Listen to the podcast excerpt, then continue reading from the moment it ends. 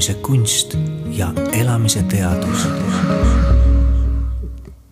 soe ja sõbralik tervitus kõigile Alkeemia podcasti kuulajatele. eetris on Annel Jurge teraapilised vestlused ja täna suundume koos meelerännakule päikeselistele randadele. kui vaatame aknast välja, on juba lehed kolletunud ja peaaegu puudelt maas, aga oma vaimusilmas võime me minna ükskõik kui kaugele, ükskõik millisesse maailma. ja meie teejuhid täna on Triin ja Henrik Raave. tere tulemast stuudiosse, Triin ja Henrik! tere! tere, tere! Te olete siin stuudios põhjusega. nimelt täna on teie raamatu esitlus Apollo raamatukaupluses. ja selle raamatu nimi on Tenerifel tegelikult elu laste ja koertega mehest rääkimata. see on teie raamat elust enesest Tenerife saarel. palun rääkige, milline on selle raamatu saamislugu kui me kolm aastat tagasi sinna esimest korda oma sammud seadsime, siis äh, eks see tundus kõigile vanematele, sõpradele, tuttavatele ikka selline põnev, et peaaegu iga päev keegi helistas või kirjutas, et kuidas teil nüüd läheb ja mis te nüüd seal teete ja, ja mida põnevat te olete kogenud ja eks, eks jõudumööda üritasime kõigiga rääkida ja vastata, aga aga päris elu ju tuleb peale kogu aeg, kõik tegemised ja, ja toimetamised. Ja siis hakkas Henrik tegema videoblogisid. mina ühel hetkel vaadates neid ähm, panin käed puus, ütles, et no minu meelest küll kõik päris nii ei ole, nagu sina räägid. ja siis Henrik ütleski, et aga noh, tee siis sina nii, nagu sina arvad, et kuidas sinu arust on. ja kuna ma nagu suurem asi videode tegija ei olnud, siis ma hakkasin lihtsalt meie, meie, meie tegemisi ja, ja igapäevaelu kirja panema. ja siis üks asi viiski teiseni, et see blogist sai nagu algmaterjal ja nüüd on sealt tükikesi nopitud ja kõike muud äh, vahepealset juurde kirjutatud ja ongi raamat kaante vahele saadud Te olete Tenerifel elanud juba kolm aastat. jaa, kolm aastat, neljas algas. Kuidas üldse Tenerife tuli kõne alla, miks just Tenerife, ma olen lugenud mm, raamatutest või näinud filmidest, et mõnikord on inimesele saadetud niisugune nägemus või unenägu, et ta peab äh, üles tõustes kindlalt ta teab, et just see on see koht, kuhu ta peab minema, et teostada siis oma kõrgemat potentsiaali või midagi, midagi vägevat. kuidas teile tuli see ilmutis? minuga oli selles mõttes täiesti vastupidi. et kui ma esimest korda Tenerifele jõudsin, me saabusime öise lennuga, mis jäi hiljaks. kaasas oli poeg Oskar, kes toona oli natuke alla aasta sellisega rännata oli ka selline omad tükk tegu seal öösel lennukis. ja hommikul ärgates nägin ma seda saart siis esimest korda ja kui me sõitsime oma sellest ähm, korterist siis ähm, asustatud punkti külla hommikust sööma, siis ma vaatasin, et appi, kuhu ma olen sattunud, ainult kivikõrb, üksikud sellised kaktusetuustikud, et äh, see nagu, see oli, selline tunne esimesel päeval oli tõesti, et no ma ei tea, et miks inimesed siia tulevad. aga võib-olla see oligi selline, selline nagu hetk, kus, kus sain aru, et hea küll, anname Saarele ikkagi võimaluse, et vaatame edasi ja, ja seikleme siis. et võib-olla kui oleks kohe olnud seal hotelli ümber kõik äh, meeletult ilus lopsakas loodus, siis võib-olla oleksimegi sinna ühte kohta jäänud aga, aga see sundis ringi sõitma ja juba esimesel korral nägid, et see on nagu väga petlik, kui sa ühes kohas näed sellist kivikõrbe, sest et ähm, seal on nagu kõike, justkui nagu igaühele midagi. ja, ja see jäi nagu kuidagi niimoodi vaikselt sisse niimoodi kripeldama ja, ja, ja ühel hetkel ta siis realiseerus. Ma ütlen kuulajale vahele, et Tenerife on siis Kanoori saarestiku suurim saar, pindalalt võib pidada teda Saaremaa sarnaseks, aga oma looduselt on ta väga eripalgeline, et saare ühes otsas siis ähm, lõunarandadel võib nautida kolmsada päeva aastas päikest, aga üleval põhjas on kliima hoopis sootuks teistsugune. selle saare kõrgem mäetipp on siis vulkaaniline Teide, mille kõrgus on kolm tuhat seitsesada kaheksateist meetrit üle merepinna ja see on ka tõeline turistiatraktsioon ja seda saart küla, külastab siis interneti andmetel kuskil viis miljonit turisti aastas. Ja teie olete selle saare nüüd päris elanikud? Äh, jaa, kui sa küsisid, et kuidas me sinna jõudsime, siis äh, äh, minu elu oli aastaks kaks tuhat üheksateist jõudnud sellisesse kohta, et ma olin valmis Eestist lahkuma tänu sellele, et minu vanemad pojad olid juba saanud nii suureks, et ma nägin, et et ei ole vaja, et ma iga päev või iganädalaselt nendega siin tegelen. meil oli seni, seni nende emaga selline kokkulepe, et, et, et nad elavad nädal aega või kaks nädalat siis ühe vanema juures ja, ja jälle teised nädal või kaks siis teise vanema juures ja niimoodi aastad muudkui läksid ja läksid ja ma olin hästi-hästi kiindunud nendesse ja ei kujutanud seda tükk aega ette, et, et ma läheksin nagu pikemaks ära. Alati, kui me läksime varasemalt kas kuuks ajaks või, või kaheks kuuks, siis olid need suured poisid alati meiega kaasas, nii et et, et, et see, see, see minek ootas niimoodi oma aega aastaid. ja, ja kui see võimalikuks osutus, siis siis me tegime, Triin ütles, et vot nüüd, nüüd võiks olla see aeg, ma ütlesin, hea küll, teeme, lähme, elame siis ühe aasta kuskil, kuskil soojas. Aga noh, muidugi sinna eelnes veel mitmeid,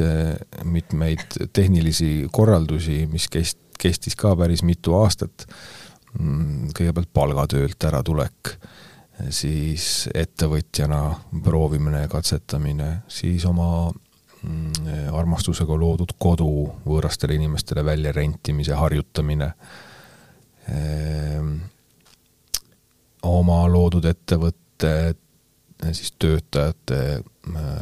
juhtide usaldamine, see kõik oli vajalik ettevalmistus selleks, et me saaksime selle lahtilükkamise siis teha seda kõike on ähm, väga palju, mis vajab ettevalmistamist, et siis ähm, kõigest lahti lasta. mis tundega sa seda tegid? Mina olin neljakümneseks saanud aastal kaks tuhat, kaks tuhat üheksateist ja see on selline sümboolne number mehe mm, elus, et ma olin täiesti valmis äh, ja küps selleks, et äh, siseneda nii-öelda keskea kriisi. ma olin sellises punktis, kus ma eh, olin niisugune rahulolematu, lihtsalt täiesti seletamatult rahulolematu, kuigi kõik oli olemas. Oli pere, oli maja ja suvila ja purjekas ja hea töökoht ja korralik sissetulek ja lapsed ja eh, aga, aga miski oli nagu puudu, miski kripeldas. ehk siis äh, ma olin nagu väga valmis selleks, et on vaja mingit muutust, Äh, on vaja sellest kõigest eemale, et saada aru, mis siis minu sees tegelikult toimub. Sealt algas siis selline omapärane enesearengu teekond? jah, ta algas tegelikult teatud märkidega juba varem, kui nüüd tagantjärgi vaadata. nimelt üks kaheksa aastat tagasi mm, meie ühine poeg oli, jäi, oli raskelt haige, mistõttu, mm, mistõttu me usaldasime teda küll arstide hoolde ja aga, aga see ikkagi ei taganud nagu meelerahu, et me teadsime, et noh, arstid teevad oma parima, aga kuna haigus oli kriitiline, siis seal oli ka see võimalus, et kõik ei lähe hästi. ja meelerahu ei tulnud, väga suur hirm oli ja, ja, ja mina hakkasin otsima neid võimalusi siis, et mida ma veel ise saaks teha. küll me käisime siin teadja mehe juures ja seal teadja naise juures ja, ja, ja, ja hingamas ja ma ei tea, puid kallistamas ja no ühesõnaga kõike tegemas või otsimas, et äkki saaks kuskilt veel mingisuguse mm, pidepunkti, et mida me siis ise teha saaks. ja üks asi, mis mulle tookord nagu külge haakis, oli see, et oli üks niisugune mees nagu Henn Hunt, kellega me kohtusime ja tema ütles, et vot see haigus, mis lapsel on,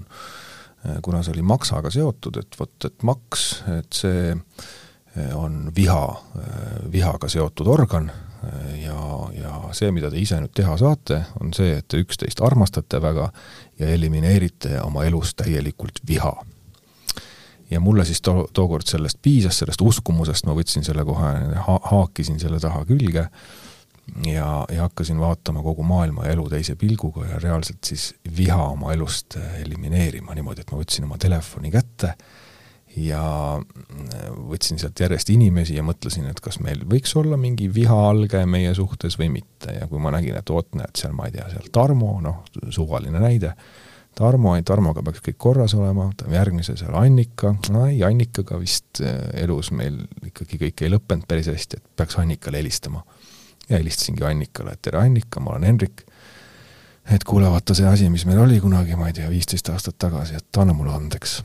ja, ja ma ei ole su peale üldse pahane ja vastupidi ka. ühesõnaga, eh, kaheksa aastat tagasi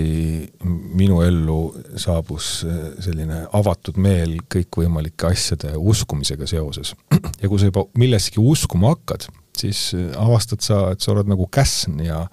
ja niipea, kui midagi põnevat jälle keegi kuskil räägib, kas või Alkeemia podcasti kuulad, siis võtad sa selle uue eh, vaatenurga jälle omaks ja hakkad seda protsessima ja need uskumuste eh, usku, erinevate uskumuste hulk sinu peas eh, koguneb nii suureks, et mõned aastad hiljem oled sa ikka päris peast sassis, et mis siis tegelikult nagu toimub.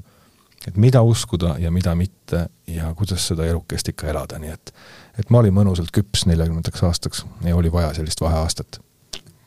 see on väga huvitav lugu, mida sa räägid. kuidas on sul täna vihaga lood, kas ähm, see on äh, ikka sinu emotsioonide nimekirjas alles? no ta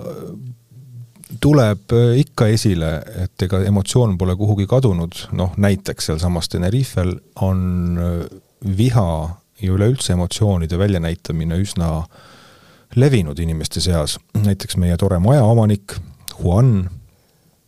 Äh, ei hoia oma viha sugugi tagasi, kui ta hommikul sinna tuleb ja avastab, et äh, et näiteks äh, meil on mingi õuelamp põlema jäänud seal maja ees,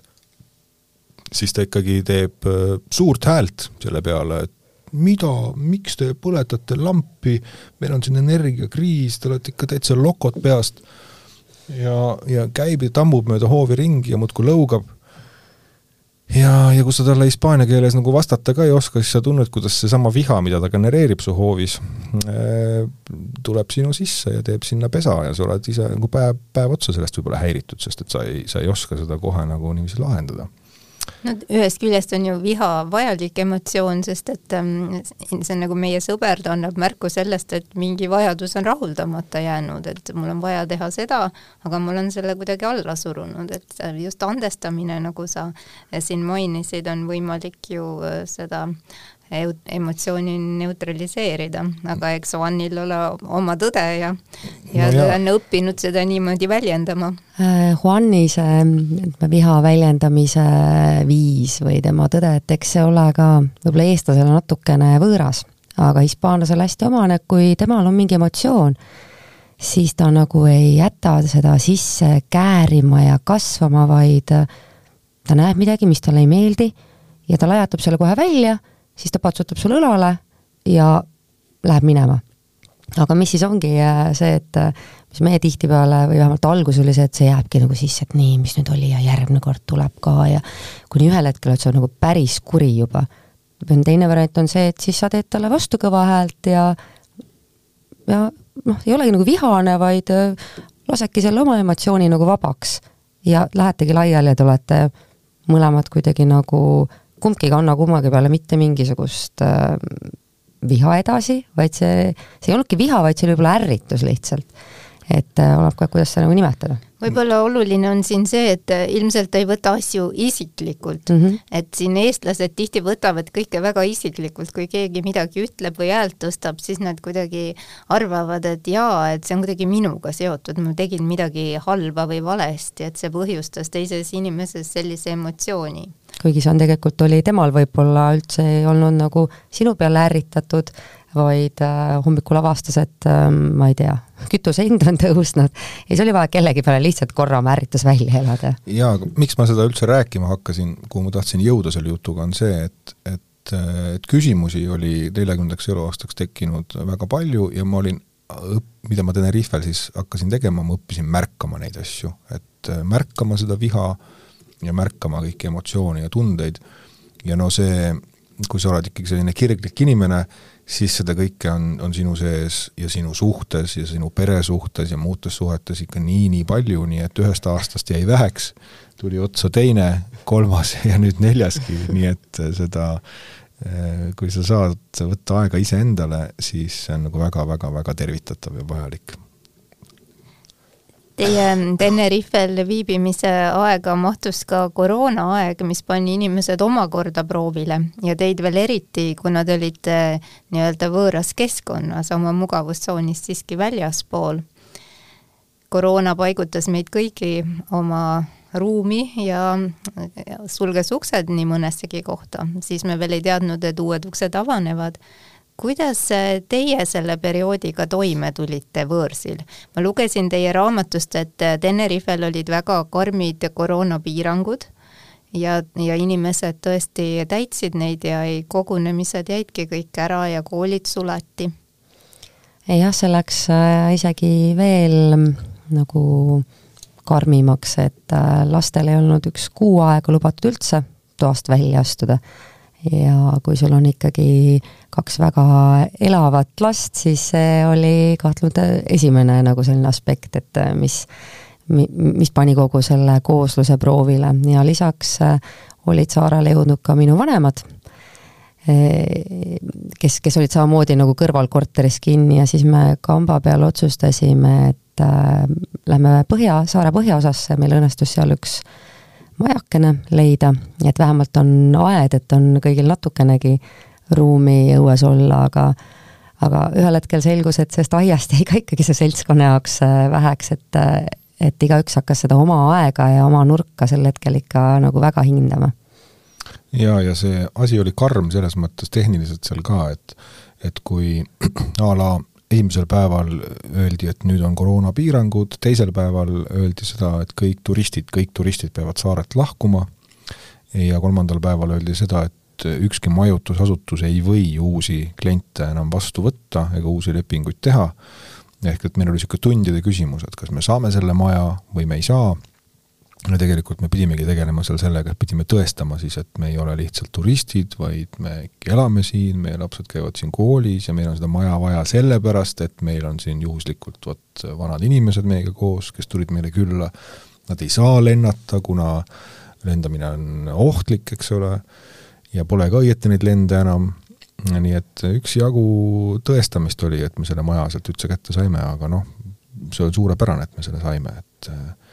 et äia ja ämmaga seal kaks-kolm kuud äh, ühes väikses majas elada, ilma et sa üldse väljas tohid käia, oli ka jälle omaette õppetund meile kõigile, nii et, et, et see oli vägev aeg, jah. jah, vägev aeg, et Hendriku igahommikused poes käigud venisid selliseks kahetunniseks umbes. üks inimene võis käia ühe korra päevas poes ja jah, ma kasutasin seda siis täiega ära no mis te iseenda kohta teada saite selle aja jooksul, midagi, mida te varem ei teadnud? mina hakkasin päevikut pidama ja, ja kõiki oma sisekaemusi kirja panema ja millegipärast oli selline aeg, kus ma tahtsin seda väga ka teistega jagada, ehk et ma muudkui postitasin siis Facebooki neid oma sisekaemusi seal ja need on siiamaani kõik alles. Meil on selline Facebooki grupp nagu Raavede hoov Tenerifel, nii et kõik huvilised saavad sinna lug-, lugema tulla, et mismoodi siis üks äh, täitsa tumba keskealine mees iseennast nagu avastama hakkab. aga põhiline, millene, milleni mina jõudsin seal õige pea, äh, oli see, et äh, et minu senine käimalükkav mootor elus on olnud tähelepanuvajadus. et sellest ma ei olnud üldse teadlik. aga seal ma sain, sain sellest aru, et see on see. ja, ja see tähelepanuvajadus on, on niisugune väga võimas jõud, mis sind lükkab. et kõik minu see muusikukarjäär, mis kunagi oli ja, ja, ja, ja, ja siis nii-öelda tavatööalane karjäär ja seal, seal muudkui see tõusmine ametiredelil kuni siis äh, firma juhiks saamiseni, kõik see oli, oli, tulenes sellest niisugusest äh, tähelepanuvajadusest, mis pani mind saavutama. ja huvitav on see, et kui sa sellest oled aru saanud, äh, siis ta enam ei lükka sind niimoodi see tähelepanuvajadus, ehk sa pead leidma siis kas mingi teise mootori, mis sind elus edasi nagu lükkaks uutesse kõrgustesse, või õppima seda tähelepanuvajadust siis nagu teadlikult ära kasutama. mistõttu õige pea ma jõudsin tagasi äh, muusikani. Ja mitte siis enam ainult sellepärast, et noh, pimesi oma tähelepanuvajadust rahuldada, vaid äh,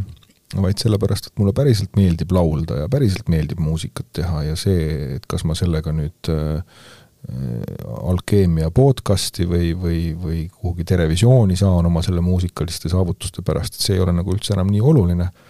vaid oluline on see, et ma saaksin laulda, jah, väike publik võiks olla, piisab, kui on viis, viis-kümme inimest, ei pea olema tuhandeid. nii et äh, tähelepanu vajadusest teadlikuks saamine ja selle siis nagu mõistlikult äh, enda kasuks teenima panemine oli võib-olla selline kõige, kõige suurem taipamine seal. Ja ehk hakkasid endale ise rohkem tähelepanu pöörama, et võib-olla see tähelepanuvajadus on tihti, me vajame teiste inimeste tähelepanu ja see ei ole küllaldane kunagi, ükskõik, kas neid on kakskümmend või tuhat või ikka on alati vaja rohkem, rohkem, rohkem. aga kui hakkad endale ja oma vajadusele tähelepanu pöörama, siis siis võib ju juhtuda, et ähm, ei olegi vaja nii palju. Mm, jah, ja kindlasti on sellest tõtt jah, muidugi aga sul on siis ähm, Tenerifel ähm, päris aktiivne programm, sest kui äh, internetist äh, guugeldada, siis äh, Raavede hoov Tenerifel on üks kindel vaatamisväärsus, mis on seal kohe esimesena tuleb otsingus üles. ja seal on palju üritusi, mida siis te olete juba korraldanud enamus nendest on muusikaüritused, aga on ka sellised huvitavad üritused nagu meeste väeõhtud. jaa, kuna esiteks meil oli seal ju palju aega või noh, on, on ka siiamaani üsna palju aega, teiseks koroona ajal ei toimunud saarel mitte midagi, see oli isegi keelatud, üritusi teha ei tohtinud siis, ja kuna see meie maja seal on niimoodi natukene varjulises kohas, siis me noh, poolsalaja, no tegelikult ikka päris salaja, hakkasime Eesti kogukonnale neid üritusi seal siis korraldama ja palusime, et inimesed ei tuleks kõik korraga, vaid tuleksid niimoodi ükshaaval. noh, tegime natukene sikku, ütleme nii. aga noh, häda ei, ajab ju härja kaevu ja selles mõttes me tahtsime inimestega suhelda ja ja ise ka mm,, ise ka nende ürituste äh, raames äh, elu nautida, nii et jah, äh, üritused said alguse ja õige pea äh, levis sõna mm, ka kaugemale meie hoovist, üle saare, ka, ka Eestisse ja meie hoovi leidsid üles erinevad inimesed, kes sinna saarele siis tulid, kas lühemaks või pikemaks ajaks. ja me lõime siis enda juures võimaluse mm, ürituste sündimiseks, noh, a la äh, seesama meeste vääring, et seda ei mõelnud üldse mina välja, vaid, vaid meile sattus sinna üks, üks, üks Raivo, Raivo Johanson, kes, kes neid siin Eestis teeb ja ma ütlesin talle, et teeme seal ka, et ma tahaks ka niisugust vääringi näha. et kuna ma pole mitu aastat Eestisse saanud, siis tule teeme meie juures. ja loomulikult tegimegi. ja see oli igavesti uhke, uhke üritus, millest äh, sai siis traditsioon eelmisel aastal, nii et et mina, kui Raivo Saarelt lahkus, siis ma jätkasin seda ja tegin siis iganädalaselt seal Tenerifel redutavatele Eesti meestele neid ringe. ja õppisin meheks olemise kohta läbi teiste nagu väga-väga palju. aga mitte ainult, ka muusika, me ehitasime hoovi sauna, millega me mm, paljastasime siis ühe eestlaseks olemise põhiolemuse, et eest-, eestlane vajab sauna. et see on ikka väga oluline keha harimise ja hinge harimise koht ja ilma saunata on see koduigatsus väga-väga suur, nii et peale sauna valmimist me kohe rahunesime seal saarel meestega palju kergemini. ja see on tänaseks saanud väga populaarseks äh, ka teiste rahvuste seas, et sõna, sõna saarel levib, et seal on üks eestlaste hoov, milles on saun, ja sinna sauna juurde, kui näiteks selline üritus toimub, siis siis me teeme seal alguses hingamisharjutusi, siis me teeme jäävanni, siis me teeme sauna, ma teen kõigile pärast süüa paellat ja lõpuks võib-olla saab, saab veel tantsida ka, nii et et selline keha ja, ja, ja vaimu toitmise üritus Raabede hoovis sai alguse eelmise aasta talvel, mis on saanud populaarseks ka teiste rahvuste seas. see on väga tore, et me ei suhtle siin ainult eestlastega, vaid, vaid ka teistega. mis tundega sa täna elad, Hendrik? Eh, sa oled ähm, teinud suure töö ja see on olgu eeskujuks kõikidele meestele, sest et ähm, minu kogemus on ja ütleme, et ka Eesti ühiskonna kogemus on endiselt see, et ähm, mehed on väga suletud, nad ei räägi endast, nende selline vaimse kasvamise teekond, see ei ole kuigi ähm, avalik lugu, aga sina oled äh, siin ka raamatus äh, avaldanud äh, enda kohta äh, fakte ja rääkinud oma tunnetest, mis ei ole jällegi väga äh, sage juhus Eestis et sa oled äh, kuskilt saanud selle tohutu julguse olla aus ja avali. kuidas see on sinu elu kujundanud või mida see on sinu ellu toonud? Kõigepealt ma tahan korrigeerida selle, et, et see raamat on eelkõige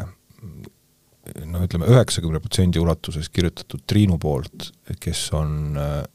nagu ülipositiivne ja,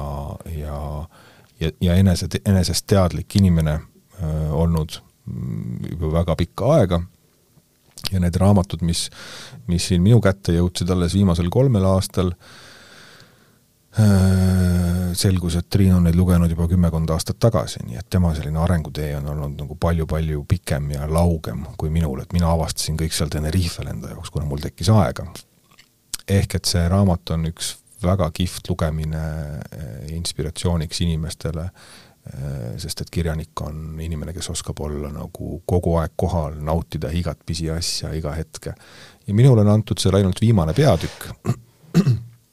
kus ma siis, kus ma siis räägin oma, oma keskea kriisi asjadest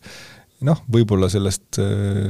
võib-olla sellest kunagi saab midagi nagu edasi, aga, aga jah, et see on see tasakaal seal selles raamatus praegu. no aga see on ometigi teie perelugu, mis on niimoodi mm, ausalt ja avali kirja pandud, et see on ju ka väga isiklik. Mm, nojah, eks, eks eks see ei sündinud selles mõttes kohe lihtsalt, et kui ma ennem rääkisin seda, et nende blogipostituste kirjutamine ja kõik, et et see, mis ma ütlesin, et, et Henriku kohta, et kõik asjad ei ole päris nii, nagu sina ütled, siis kõik sai alguse tegelikult sellest, et võib-olla ma ütlesin, et noh, ma ei taha, et võib-olla kõike minust niimoodi räägitakse, mina olin see, kes olin pigem selline, et kes äh, ma võin nüüd kleidi noh, nagu piltlikult öeldes seljast ära võtta, aga noh, aluspesu võiks nagu selga jääda, et noh, ma ei, ma ei, ei tahtnud, et mind nagu päris avaligistakse. ja hakkasin kirjutama siis äh, täpselt nii palju, nagu mulle tundus enda kohta äh, hea rääkida. ja ühel hetkel ma sain nagu aru, et äh, tegelikult ei, ei ole nagu mitte mingit vahet, et ma ei kartnud isegi mitte mingit nagu teiste hinnangut selle osas, et mis nüüd teised arvavad aga, aga mulle nagu meeldib midagi nagu endast nagu enda teada jätta. aga ütleme nii, et Hendriku kõrval on niimoodi samm-sammult noh, lihtsalt nagu tekkinud see, et hea küll, noh, no hea küll, räägime siis sellest ka ja no mis seal ikka, et noh, võib-olla ke-, kellelgi teisel on nagu sellest kasu, kui ta näeb, et kellelgi on olnud mingisugune ma ei tea, kriis lastega või suhtes või et ja kuidas see on siis nagu lõpuks lahenenud, et äh, et see on nagu see minu osa sellest. no kui mina seal esimesel aastal iseendast äh, nagu teadlikumaks sain, siis minu, minu jaoks oli see nagu välk selgest taevast, et ma avastasin, et et selline asi on ka olemas, et inimene saab nagu iseenda sisse ka nagu vaadata, et mis seal toimub. et kõik ei toimugi väljaspool. Ja siis, siis, siis ma arvasin, et ma olen küll mingi jumala noole poolt nagu tabatud, ma olen ära valitud, ma olen umbes ainus selline, kes on sellise valgustumise osaliseks saanud ja noh, ma, ma olen, ma olen nüüd edaspidi näinud, et sellist asja võib ka juhtuda, et inimesed elavad täielikus nii-öelda pimeduses ja siis ühel hetkel taipavad, et, et maailm on tegelikult palju laiem, eks ole, ja, ja noh, veelgi laiem nende enda sees. no vot, mul juhtus ka selline asi. Ja siis ma hakkasin äh, hakkasin praktiliselt paaniliselt otsima siis maailmast siis veel mõnda inimest, kes siis ka noh, tegeleb selliste asjadega või, või ma ei tea, jälgib iseenda emotsioone või minu tutvusringkonnas ei olnud selliseid inimesi absoluutselt. Ja seetõttu ma tundsin, et ma pean äh, omaenda ta-, nagu juttu hästi avalikult rääkima ja seda ka Facebooki postitama, et noh, et võib-olla siis leidub veel mõni, kes tahaks minuga nendel teemadel arutleda, eks ole, noh ja õnneks siis leiduski ajapikku nii mõnigi. Et kui esimene minu niisugune tutvumiskuulutus seal Tenerife kohalikus grupis oli see, et ma olen, ma ei tea, Hendrik Raave sain siin talvel nelikümmend, tunnen, et olen keskea kriisis, ilgelt rahulolematu, aga tahaks sellest nagu välja rabeleda, ja kui on mehi, kes tahaksid sellel teekonnal minuga kaasas käia, et siis võtke minuga ühendust siis selle peale võttis minuga ühendust nagu kümneid ja kümneid mehi, kes siis olid seal Tenerifel kuskil urgudes või, või siis Eestis, aga jälgisid ka seda Tenerife elu. Ja me lõime seal Tenerife M-klubi, kus äh, jällegi Facebookis siis niisugune privaatne grupp, mis on siiamaani alles, seal on üle kahesaja mehe ja vot seal me hakkasime siis arutama neid asju, et mida, mida, mina kirjutasin muudkui, mida mina jälle tunnen ja mida mina jälle taipan ja kuidas ma siis nüüd alkoholi ära jätan ja kuidas ma siis nüüd tubaka ära jätan ja kuidas ma enam ei söö ja kuidas ma proovin ilma seksita elada ja et siis saada aru, kuidas ma siis nagu noh, ennast tunnen, et kui sõltuv ma siis ikkagi olen kõikidest asjadest, tähelepanust ja ja, ja kõikidest nendest ainetest ja noh, siis me katsetasime seal kambakesi igasuguseid asju, nii et ma olen selle äh, no see on see, kui sul on palju aega, siis sa hakkad nagu urgitsema ja enda sees urgitsema ja see kaev on muidugi põhjatu, et sa võidki jääda äh, seal kaevama ja kindlasti ei ole ma tänaseks nagu veel valmis, nii et neljas aasta Tenerifel läheb ja see toob kindlasti jälle midagi huvitavat päevavalgele. ja võib-olla ongi see, et miks mina ei saanud aru, et miks on vaja nagu kõike, iga seda taipamist kusagil üles riputada, on nagu Hendrik ütles ka, et ähm, temal käis selline kärts ja nüüd oli kõik järsku selge, siis kui sa oled nagu seda teed roninud äh, aastaid ja aastaid kuidagi niimoodi vaikselt ja rahulikult, siis see on nagu osa igast päevast ja see on nagu noh, minu jaoks on see, oli nagu sama teema, et ma ei tea, ma ei ütle kõigile, et ma pesin täna hambaid. samamoodi on see, et äh, mulle tundus, et ma ei tea, miks ma pean ütlema, et ma olin täna hommikul, ärkasin tohutu hirmuga üles ja siis tegelesin oma hirmuga, et see tundus lihtsalt kuidagi minu jaoks aru saamata, eh, sellepärast et Hendrik ei osanud ka esialgu selgitada, et miks ta seda nii avalikult räägib. et nüüd nagu aastaid hiljem äh, niimoodi nagu noh, üksteisega rääkides ja kokku klappides, siis saime ka aru, et me olime lihtsalt nii, nii erinevalt mõistsime sellel hetkel neid asju noh, Hendrik ütles siin hiljuti, et äh, sinu selline eneseavastamise teekond algas juba märksa varem see algaski tegelikult sellel ka samal hetkel, kui, kui Oskari haigusega tegelesime, sest kui Hendrikul oli teemaks viha, siis mina tundsin sellist äh, ikkagi nagu kõri kinni pigistavat hirmu, nii et äh, selle tunne oli, et noh, süda klopib nii kõvasti, et ma lihtsalt ei saa hingata enam kohe. ja ma hakkasin. mis hirm see oli? no see oli hirm ikkagi esimese, esimesel hetkel oli see ikkagi poja elu pärast hirm et nagu väga-väga konkreetselt ja siis ma avastasin, et et tegelikult see hirmutunne või nagu, nagu pabistamine mingite sugust asjade eest äh, oli mind ka varasemalt saatnud, aga noh, see oligi, et ma ei olnud seda nagu ära fikseerinud. et ma ei muretsenud asja pärast, aga ma tundsin ikkagi hirmu avaliku esinemise eest ja, ja see oli ikkagi täiesti harv, halvav hirm kohe täiesti. aga, aga pärast seda haigust äh, hakates ka siin ähm, nii, nii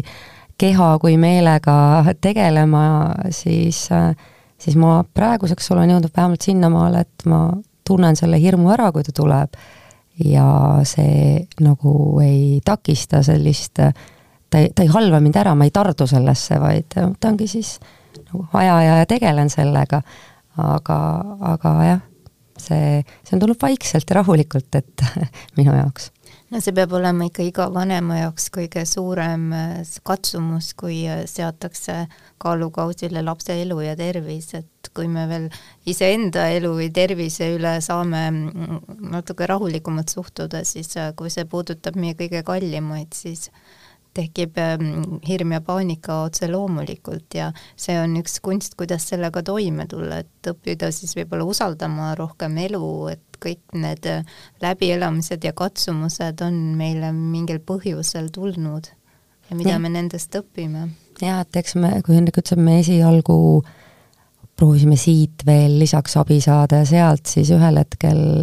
toimuski see taipamine, et noh, ei ole mõtet igale poole joosta, et tema on, et ütleme, tema keha on arstide kätes, kes äh, oskavad teda rohkem aidata kui meie ja meie ülesanne ongi siis tegeleda iseendaga, mitte jällegi otsida järgmisugust, järgmist ravitsejat või mingit puukoort või mida iganes kusagilt, et jah, selles mõttes, et äh, lasime nagu selle teema nii palju lahti, kui suutsime ja, ja andsime elu kätte selle. aga mis sulle selle meelerahu tõi, kas sa mäletad sel hetkel, oli see mingi teadmine või mingi midagi, mis sa kuulsid või, või lugesid? see oli seesama mm, imeline äh, härra Henn Hunt Kirna mõisast, äh, kui me käisime seal, siis ähm, mul jäi meelde just see, mida ta ütles tegelikult Hendrikule, et äh, lihtsalt vaatas talle, ütles, et sinu peamine teema, et otsusta ära, otsusta oma asjad ära. ja kuigi see ei olnud nagu mulle suunatud, siis ma mõtlesin, et ei, ma otsustan ka ära, et ma noh, mis iganes tuleb, et mina ei saa mitte midagi teha, et mina otsustan ära, et ma lihtsalt enam ei, ei, ei võta seda nii õudselt enda kanda. et ma usaldangi kõike seda, mis, mida võimalik, et täpselt elu, arste, iseennast, et meie oleme, saame sellega hakkama ja, ja tuleb, mis tuleb Need on kaks väga imelist ja suurepärast teekonda, mida te olete teineteise kõrval käinud. Ja ometi on seal rohkem kui need kaks teekonda, on veel teie ühine teekond ka siis ähm, partneritena, et kuidas teie suhe on muutunud selle aja jooksul, mil te olete nüüd vahetanud asukohta ja, ja iseendasse rohkem süüvinud no suhe on teinud äh, ikkagi ka võrd-, võrdväärse arengu äh, kogu aeg ju kaasa, et see ei saagi kuidagi teistmoodi olla. mis nüüd selle kohta siin välja tuua, mis oleks huvitav ähm,, noh, ikka ka, ikka ka see enese jälgimine, et miks ma, mida ma oma partnerilt nagu ootan, mida ma vajan mm,, ja, ja mida mul siis endal on, on vastu pakkuda. Ehm, ma olin, avastasin ennast üsna, üsna nagu suhtesõltlasena, ehm, kui ma hakkasin seda asja nagu kõrvalt nii-öelda jälgima. et ma olen, olen teisest inimesest üsna sõltuv olnud, ehm, mistõttu on mul temale nagu mm, kõrged nõudmised ja kui ma sellest tähelepanusõltuvusest siin ka rääkisin, siis siis noh, ma ju ootasin oma, oma partnerilt kogu aeg ikkagi seda tähelepanu ja, ja positiivset äh, tagasisidet ja silitusi ja, ja seksi, mis võiks seda kõike nagu kinnitada, et ma olen ikka äge mehena nagu igatepidi. et aga jah, olin võib-olla üsna ebateadlik sellest, et mida ma siis ise äh, pakkuda saan ja ja, ja mida tegelikult minu partner minult ootab. ja eks me oleme neid küsimusi üksteisele ka esitanud, et mida, mida sa minult ootad. võib-olla üks viimase aja kõige suurem õppetund, mis on meie suhet eh, väga palju parandanud, on see, et me oleme õppinud üksteist kuulama. kuulama niimoodi, et äh, et me ei sega vahele enne, kui teine on äh, päriselt lõpetanud. ja vaata, see päriselt lõpetamine võib tulla alles peale väga pikka pausi ja peale seda pausi võib jutt veel jätkuda väga pikalt. ja alles siis, kui inimene päriselt tunneb, et nüüd ma lõpetasin, siis ta peab seda ütlema. kuule nüüd ma lõpetasin. ja vot nii palju sa pead kuulama, et siis tegelikult jõuad sa noh, tulla läbi kõikide nende emotsioonide ja minna nagu ütleme siis võimalikult äh, sa suudad ennast selle vestlusega nagu võimalikult lõpuni välja rääkida, ehk et avaneda nagu hästi-hästi lõpuni välja. et kui sa lased teisel inimesel päriselt lõpuni rääkida. et kui me seda teadlikult tegema hakkasime siin, ma ei tea, umbes pool aastat tagasi, siis äh, kvaliteet, meie pereelu kvaliteet tõusis ikka mitu püda-, pügalat. Ja see ei puudutanud ainult enam meid, vaid me, olles nüüd ise aru saanud, et see tegelikult ka töötab väga hästi hakkasime proovima seda ka lastega teha, et äh, täpselt samamoodi, et üks ei alusta ennem, kui teine on päriselt lõpetanud. ja vahel oli isegi naljakas see, et kui üks ütles, et miks sa vahele segad, miks sa vahele segad, et ma ei ole veel lõpetanud, siis ütlesin hea küll, ja nüüd sina ära räägi, et las teine lõpetab. siis ta istus ja minut aega ütles, et tegelikult mul ei olegi midagi öelda. aga, aga lihtsalt see, et sul on võimalus ja, ja kõik nagu kuulavadki sind tähelepanelikult, võib-olla sa ei tahagi vahest öelda, aga lihtsalt on see, et miks see teine väiksem kogu aeg vahele segab. et juba see, see tunne tekkis suuremas, et, et ma saan ikkagi alati kas või samasuguse kandva pausi lõpuni pidada see on jälle see tähelepanu teema, samamoodi kohal olemine, et mm, -hmm. et mitte tavaliselt on ju, inimesed räägivad, siis ühel keerab peas oma plaate, mõtleb juba omi mõtteid ja ta ei kuulegi, mida see teine mm -hmm. inimene tegelikult öelda tahtis. automaatselt ütled ja-jah mm, -hmm. ja siis pärast, oota, mis sa ütlesid? no ja siis ongi see, et mida ma siis räägin, kui keegi mind tegelikult ei kuula no ja eriti, kui vestlused on veel emotsioonidega laetud, et äh, kui sa nagu tulistad kiirelt mingit teksti ja teine juba kohe segab jälle vahele, siis sa ei saa seda emotsiooni üldse välja, aga ära, ära nagu lahjendada enda sees, eks. aga jällegi, tänu Tenerifele me oleme nende taipamisteni jõudnud, see konkreetne on jällegi, ma ei tea, kes selle tõi meie hoovi, aga keegi jällegi, kes meie hoovis seal käis ja, ja see ühe ringi seal äh, tegi lastele siis me taipasime, et oh, see on nagu väga hea tööriist, mida me võtame ka oma ellu. nii et avatud meelega oleme me seal olnud ja eriti just nimelt oleme väga palju inimesi lasknud oma ellu ja, ja oma lähedale ja, ja kui sa küsisid ennem, et miks ma sellest kõigest seal nii avatult nagu olen mitte miks, vaid kust sa selle julguse võtad no, jah. Ja.? noh, seda, seda ma selgitasin, et, et ma tundsin, et mul on vaja, et mul on vaja inimesi, kellega neid asju arutada, et ma pean leidma, kes mind mõistavad, et kas on veel üldse mõni inimene maailmas, kes mind mõistab, eks ole? Mm. Ja seetõttu oleme me hoidnud jah, hästi lahti oma, oma uksed, nii otseses kui ülekantud tähenduses, mis ongi toonud meie hoovi väga palju inimesi läbi nende ürituste ja kaaselanikena, meil on nimelt seal kaks korterit meie enda maja all, mida me siis eh, noh, oleme sunnitud, mitte ei ole sunnitud. külaliskorterid. külaliskorterid, mida meie rendime omanikult ja siis anname noh, sulle või kellelegi teisele siis neid allüürile, mis toob meie eh, hoovi kogu aeg jälle uusi inimesi, kes meiega seal pikemalt või lühemalt koos elavad ja see on ikka väga-väga põnev, nii et, et selle kolme viimase aastaga seal Tenerifel ma arvan, et ma olen erunud ära mõne teise, olen elanud ära mõne teise mehe kolmekümneaastase elu või kas või iseenda kolmekümneaastase elu, et väga-väga intensiivne. ja kui siin uskumustest oli ka juttu ja inimestele ikka meeldib uskuda asju, siis siis paljud äh, inimesed, kes sinna hoovi satuvad ja noh, on ka võib-olla vaimsel teekonnal, siis ütlevad, vot Tenerife, see on üks energeetiliselt üks väga võimas koht, et siin see vulkaaniline energia pluss ookeani energia, see kõik saab üheks ja et, et siin toimuvadki kõik protsessid väga-väga võimsalt, intensiivselt kõik saavad siin täiega pihta, et kui sa ikkagi ei liiguta ennast, ei arene, siis see saar sülitab su siit välja, et olgu see siis sul iseenda, tee iseendaga või su suhtega või perekonnaga või sõpradega või tööalaselt, et kogu aeg on sul nii-öelda ora tagumikus, et arene, mees, arene. ma olen seda ise oma nahal kogenud, täpselt nii see Tenerifega ongi et ega siis muidu ei ole ka neid müüte ja legende siis saare nii-öelda vulkaani jumalannast ja sellest tuleenergiast, mis seal siis tasakaalustatakse ka vee ja, ja maaenergiaga, mis on väga võimas. jah, ja siin enne neljandat hooaega mina äh, ütlen seda, et, et äh, vaata uskumustega on see lugu, et kui sa oled äh, kirglik uskuja, siis äh, siis kipuvad äh, jalad maa pealt võib-olla natukene liiga lahti tulema ja, ja, ja sa lähed äh, kõige selle teaduslikult tõesta,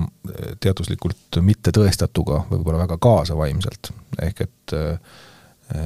ma tundsin ka seda siin eelmisel hooajal, et läks nagu väga pilvedesse ära, et sel hooajal olen kahe jalaga rohkem maa peal ja no ole ühe jalaga maa peal, siis on hästi. tasakaal, tasakaal, tasakaal kõige selle vaimse ja, ja siis äh, meil siin igapäevasega no kas polegi tasakaal just see, mida me siia planeedile Maa tuleme õppima, et kuidas ühest küljest olla nende ratsionaalsete jalgadega sellel müstilisel teekonnal, kus me oleme. Mm. aga nüüd jõuame me veel rääkida ühest põnevast suhtest. Need olid siis teie isiklikud suhted, aga kuidas on teie suhe selle saarega? Hendrik siin mainis, et keegi teadjamees ütles talle, et see ongi see nii-öelda energeetiliselt võimas väekoht, et kuidas teie suhe on siis selle saarega kujunenud nende aastate jooksul? minul on äh, iga kord selline tunne, et kui ma kas laeva pealt või lennuki pealt maha astun, et äh, ma olen kodus. samamoodi mul, kui ma jõuan Eestisse, on see tunne, aga kui ma neid vahepealseid äh, riike külastan, siis nagu ei, ei ole, ei ole ükski asi nii, nii tugevalt äh, kõnetanud äh, millegipärast, et ma olen läbi elu selline veelaps olnud. Ja, ja lihtsalt see, et kui see võimalus juba, et sa lähed ookeani äärde, istud maha ja sa võid tunde seal istuda ja iseendaga olla ja kuidagi see voo, voo, suure hooga voogav vesi seal aitab väga paljud asjad äh, endas ära lahustada. selle tunne, et see vesi nagu tuleb lihtsalt äh, puhastab. sinusse sisse ja puhastab ära ja lähed, lähed sealt vee äärest ära ja pooled asjad on nagu kadunud, et minu jaoks see, see, see veeenergia on seal nagu kõige, kõige võimsam ja, ägedam, et et tuli, minus on endas vist nii palju juba seda tuld, et on vaja natuke tasakaalustavat vett kõrvale. Kuna minu jaoks on olnud see mm, viimased kolm aastat väga-väga intensiivne töö kogu aeg, eks ole, iseendaga, oma suhtega, perega, siis ma aeg-ajalt tunnen, et ma ei jõua, ma tahaks puhata, ma tahaks lihtsalt Eestisse ära oma metsa. et mina käin aeg-ajalt ennast siin äh, nagu, nagu laadimas, et, äh, et selles äh, Eesti metsas ja Eesti mereäärses on, on nagu mingi niisugune rahustav vägi minu jaoks. et Tenerifel ma olen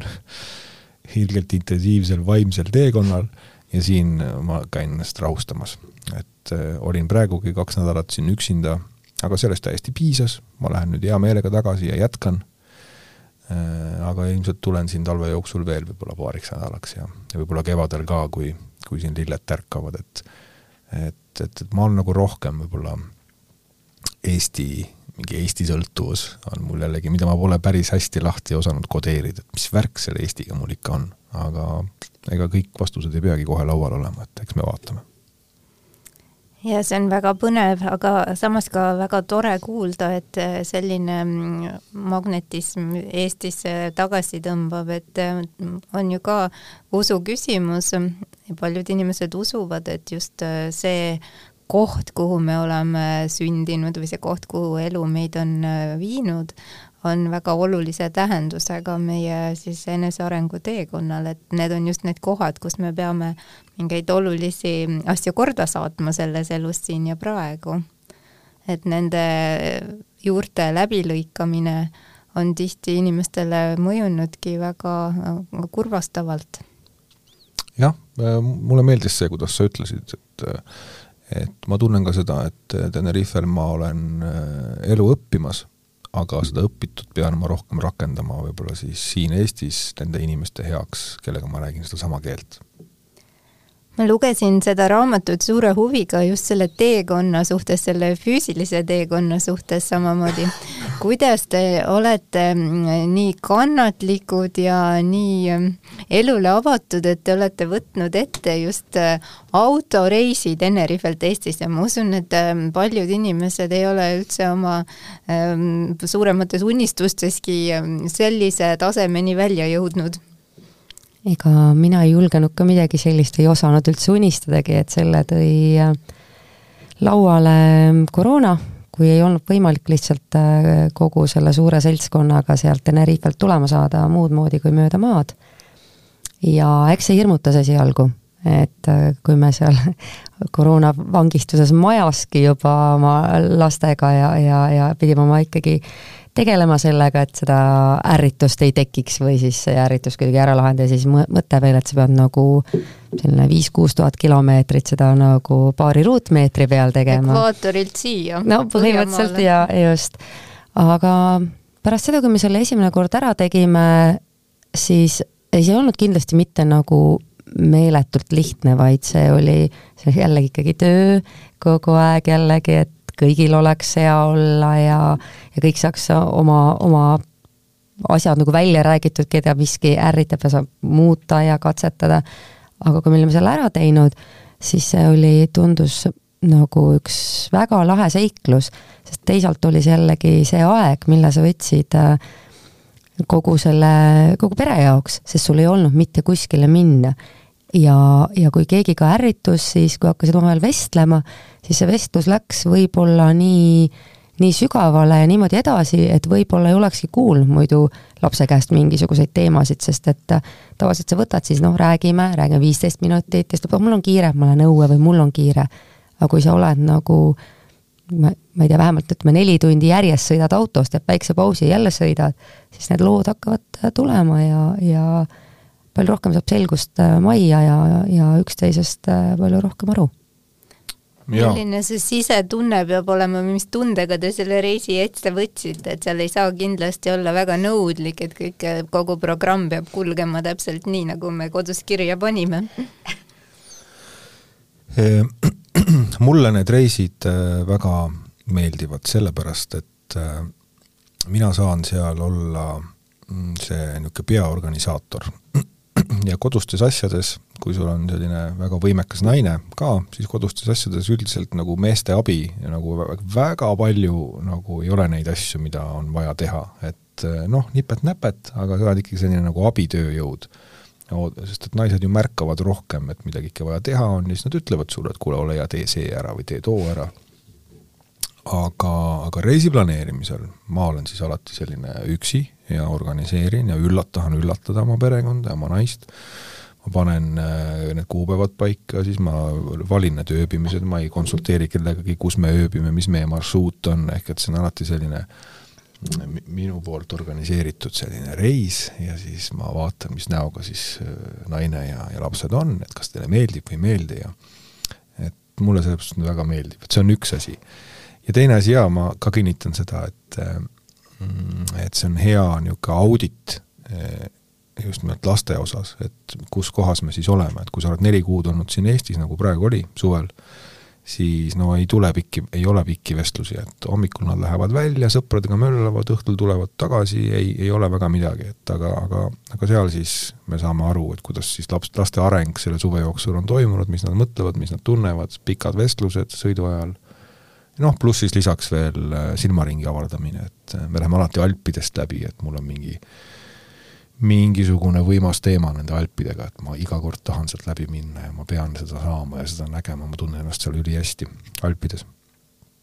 ja vaatame ka muid asju, et küll me käime soolakaevandustes ja küll me käime, ma ei tea, vanas äh, roomlaste amfiteatris kuskil seal Lõuna-Hispaanias ja siis Pariisis ja Eiffeli torni otsas ja ja noh, me oleme kuus korda juba teinud seda kuute tuhandet kilomeetrit, et kokku iga reis on meil praktiliselt niisugune kaks nädalat, kuus korda kaks, kaksteist nädalat äh, sõitu läbi Euroopa on selja taga, et päris pikk aeg jaa, kui ma seda lugesin, teie teekonda, siis mulle meenus see Paulo Coelho raamat Hipi, kus nagu kohale jõudmine oli küsitav, aga kogu asi oligi nagu teekond, see, mis luges. jaa, ja see, et sa praegu seda ütlesid, mulle kohe tõi äh, kohale selle, et ma olen lugenud kadestamisega neid raamatuid, seda Paulo Coelho Hipit ja olen lugenud äh, siin ümber maailma purjetajate raamatut, kes nad siin on kirjutatud, Matvere ja Tätte ja äh, ja nüüd see, see mees, kes üksi sõitis ümber maakera siin, Eesti mees, Uku Randmaa ja ja ma olen iga kord lugenud neid nagu selle tundega, et kurat, vot kus oleks äge niimoodi, aga see peale neid Euroopa reise, seda ei ole enam nii, ma tean, et see minu noh, minu elu ongi nagu kogu aeg reis, et ma olen kogu aeg teel. Küll ma olen seal Tenerifel, siis ma jälle teen pika-pika reisi läbi Euroopa, siis ma natukene reisin Eestis, siis jälle ringi, et ma kogu aeg teen neid oma ümber maailma reise, olengi kogu aeg reisil. ja ma enam ei kadetse neid mehi, kes sama asja teevad. see on hea tunne, tugev tunne. täna on teie raamatu esitlus pärast seda, kui see raamat siis jõuab poodidesse kõikide lugejate ette, algab selle raamatu enda teekond. Mis taotlusega te selle raamatu teele saadate, millised on teie soovid? mina omalt poolt soovin selle raamatule kõrget lendu, et ei jõuaks võimalikult paljude inimeste lugemislauale, kes on kõik siis huvitatud sellisest äh, enesearengu teekonnast, aga ka teekonnast kaugetele maadele, et ta inspireeriks ja annaks neile väge. aitäh! Jah, minule ka väga meeldiks, et, et kuna ma panin sinna nii tõesti ausalt kirja, mis, mis tunne see on olnud kõike seda teha ja eks ta on va-, muidugi vahepeal iga selline elumuutus on natukene võib-olla hirmutav, et eks ma ise esimesel aastal minnes ka veel viimasel õhtul mõtlesin, et no ma ei tea, kas see, kas see nüüd on ikka õige, aga no proovime. et kõik, kes tunnevad mingi asja osas seda, et ma ei tea, kas on õige, et ma tahan töökohta vahetada või, või et ma tahaks teise linna proovida või, või midagi, midagi nagu muuta, et et ma nagu julgustan küll seda, et kui sa nagu tõesti midagi tahad ja sa ei ole selle vana asjaga üldse rahul, et proovi ära ja et pärast kahetseda on palju rumalam seda, et ma ei proovinud, ma ei teinud, kui isegi seda, et noh, tegin selle otsuse, ei tulnud hästi välja, no siis saab uuesti proovida jällegi, et et jah, olla nagu selles mõttes äh, julgustajaks, et tee, mida sa soovid. aitäh sulle jaa, ja, ja selle raamatu põhjal äh, on inspiratsioon ka see, et jah, tee need muutused, tule ära töölt või, või vaheta elukohta, aga suhet ei pea näppima, suhet ei pea lõpetama. Jaa, kasvada võib ju ka selle suhte sees, et see ei ole nagu hädavajalik, nagu stereotüüpne mõtlemine on, et keskea kriisis nii-öelda, nagu sa seda nimetasid, inimesed tihti mõtlevad, et, et uue suhtega on jälle uued võimalused või aga siis jääb ju see teekond selles suhte sees pooleli. selle kohta võiks öelda, et ei ole vaja uut suhet, et vaid vahest on vaja suhet uuendada, et see on ka ikkagi jälle millegi muutmine mis on elus kõige tähtsam mm,? mulle tundub praegusel hetkel, et rahu iseenda ja, ja ümbritsevaga, et kui selle tunde kätte saad, siis, siis kõik muu ka laabub. Hendrik? no mina ütlen, et armastus on kõige tähtsam. et see peab voolama enda sees ja endast välja ja igal pool ma soovin teile põnevaid uusi teekondi, palju armastust, meelerahu, mitte see saadaks teid kõigil nendel väljakutsete rohketel teekondadel, mis teil veel edasi ette tuleb. aitäh!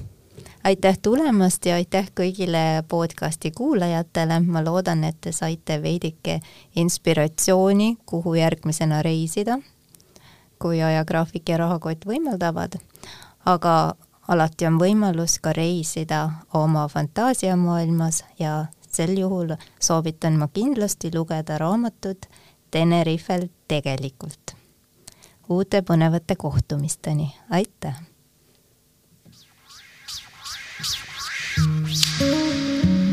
alkeemia, muutumise kunst ja elamise teadus